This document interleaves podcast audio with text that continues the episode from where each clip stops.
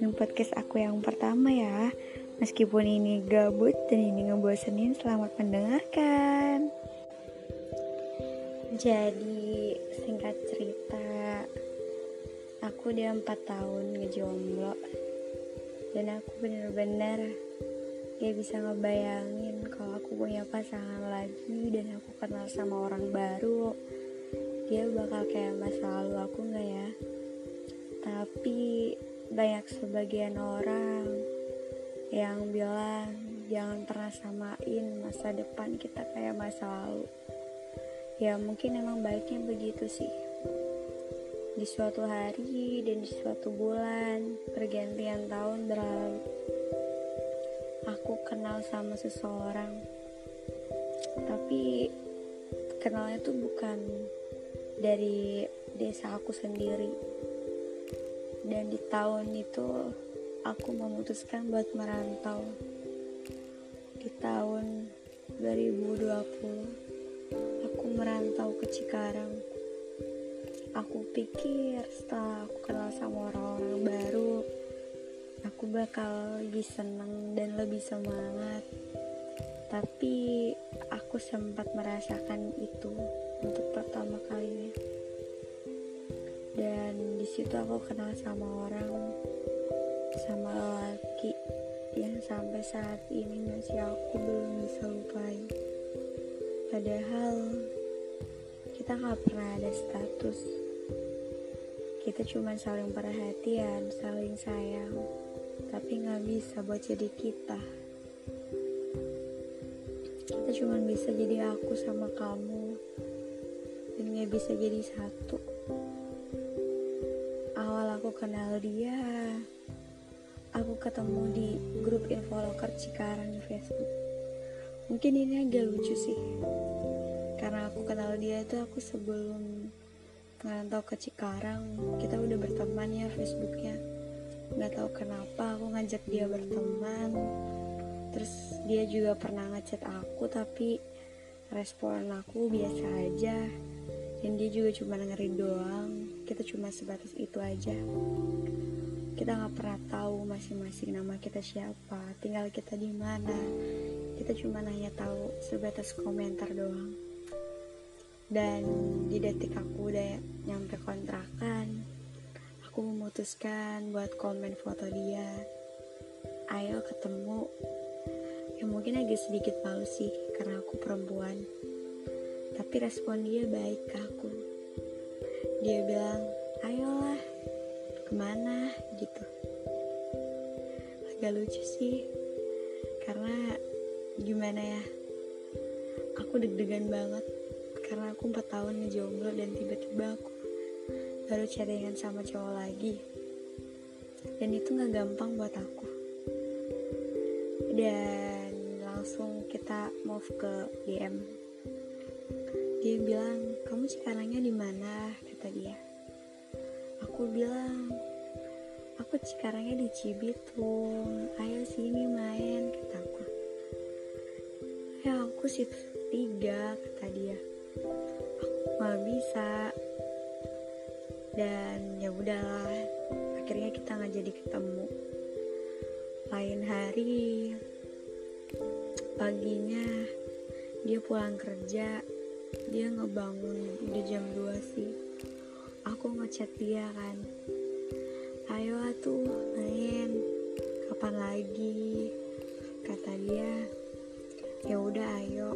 Padahal dia shift 3 dia berangkat jam 11 malam pulang pagi. Tapi dia selalu nyempetin waktu buat aku. Untuk pertama kali yang ketemu dia aku senang banget. Karena kita banyak ngobrolin hal yang gak penting tapi buat aku beda dari masalah pekerjaan masalah percintaan masalah hal-hal yang terjadi di hidup kita selalu kita ceritain meskipun itu agak sedikit sedih tapi nggak apa-apa namanya hidup. Kita nggak akan selalu di atas kita bakal selalu di bawah di titik itu aku senang banget.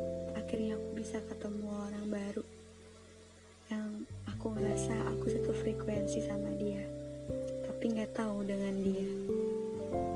Udah berjalannya waktu kita sering ketemu kita sering jalan bareng. Tiga bulan kemudian ya tahu kenapa ada cobaan lagi di hidupku aku di off dari pekerjaanku. Dan aku diinfoin sama keluargaku kalau kakekku meninggal. Lalu aku memutuskan buat pulang ke kampung. Dan itu sakit banget. Aku terpukul kehilangan kakekku. Aku juga terpukul aku jauh dengan dia gak bakal bisa ngebayangin kalau aku jauh sama dia gimana? Aku juga gak bakal bisa ngebayangin kita masih bisa kontekan lagi apa enggak. Kita masih bisa ketemu lagi apa enggak. Perihal jarak pertemuanku di perantauan gak bakal mudah ketika dia pulang kampung dan aku pulang kampung kampung kita jauh banget. Dan bakal susah buat ketemu. Aku selalu mengkhawatirkan hal itu. Aku selalu mengkhawatirkan tentang dia. Beberapa bulan kemudian kita lost contact. Dan memang benar jangan terlalu berharap sama seseorang. Karena sebuah harapan emang benar terjadi kayak gitu? Tapi bagiku gak akan ada yang kayak gitu kalau misal dia yang bakal ngontekin aku terus. Tapi perihal dia gak pernah ngabarin aku aku jadi semakin sadar kalau aku gak penting buat dia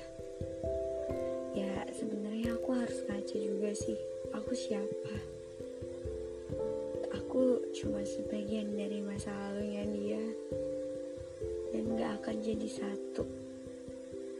Di detik itu aku ketemu sama kawanku.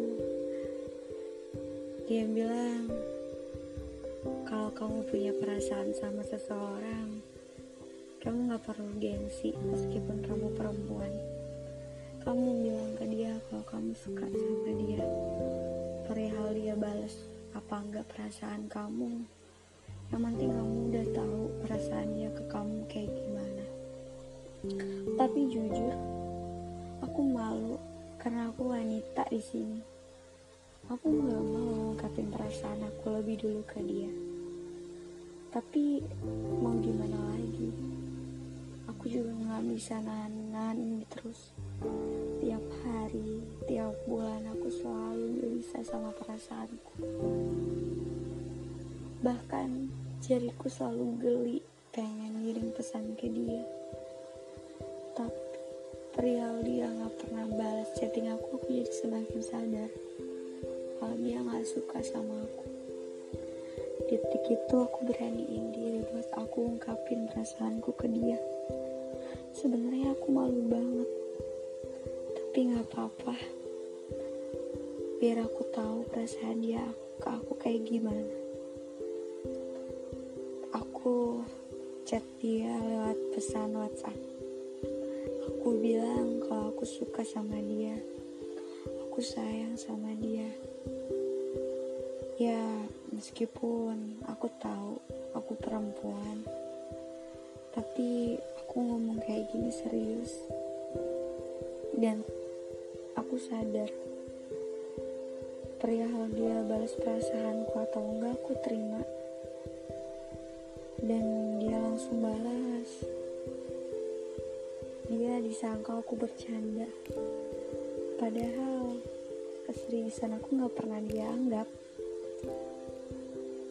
dan di situ dia selalu mengalihkan pembicaraan tentang hal-hal yang menyangkut perasaan aku ke dia. Padahal tinggal jawab apa susahnya sih? Tinggal bilang iya apa enggak dan aku nunggu jawaban dia beberapa jam kemudian dia langsung balas. Aku nggak bisa. Jodoh gak bakal ke mana. Orang tuaku melarang aku buat pacaran sama orang jauh-jauh. Karena dia nggak mau kalau sampai anaknya jauh sama dia. Padahal menurutku perihal pacaran. Emang nggak harus jauh sih. Tapi ya nggak apa-apa. Kenapa? Kenapa nggak nyoba dulu kalau misalnya udah peras udah punya perasaan sama aku? Padahal dia bilang dia suka sama aku. Perihal dia mau perjuangin aku nggak ada sama sekali. Alasan dia orang tuanya. Ya mungkin iya. Karena dari awal dia juga udah bilang ke aku kayak gitu. Mungkin karena aku terlalu berperan mungkin karena aku terlalu menyimak perasaan dia ke aku adalah perasaan yang sama kayak apa yang aku rasain. Ternyata aku salah. Dia menganggap aku hanya sebagai teman biasa. Dia menganggap aku hanya sebagai orang yang pernah hadir di hidup dia tapi apa dia nggak ingat? Kita udah mengisi hari-hari bersama. Hari-hari dari yang gak penting sampai penting. Hari-hari yang membuat aku bikin bahagia setelah empat tahun aku mengalami luka. Hari-hari yang selalu aku tunggu kapan datangnya kebahagiaan itu. Dan setelah aku dapetin dan setelah aku rasain bersama dia dia patahkan lagi hati aku untuk kesekian kalinya. Aku bener-bener trauma.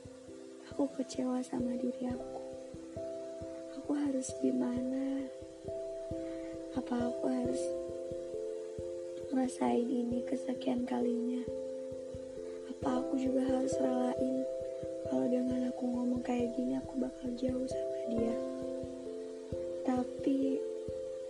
itu aku udah terima konsekuensinya. Karena daripada dipendam lebih baik diungkapkan. Aku bahagia sih bisa denger apa pun yang dia ucap. Meskipun kita nggak sejalan. Makasih ya kamu udah mau dengerin aku terus. Udah mau semangatin aku. Udah mau ngisi-ngisi hari-hari aku serta udah mau berbagi keluh kesah sama aku. Sejak saat itu saat ini terima kasih orang paling baik. Sehat-sehat di sana. Podcast ini semoga kamu dengerin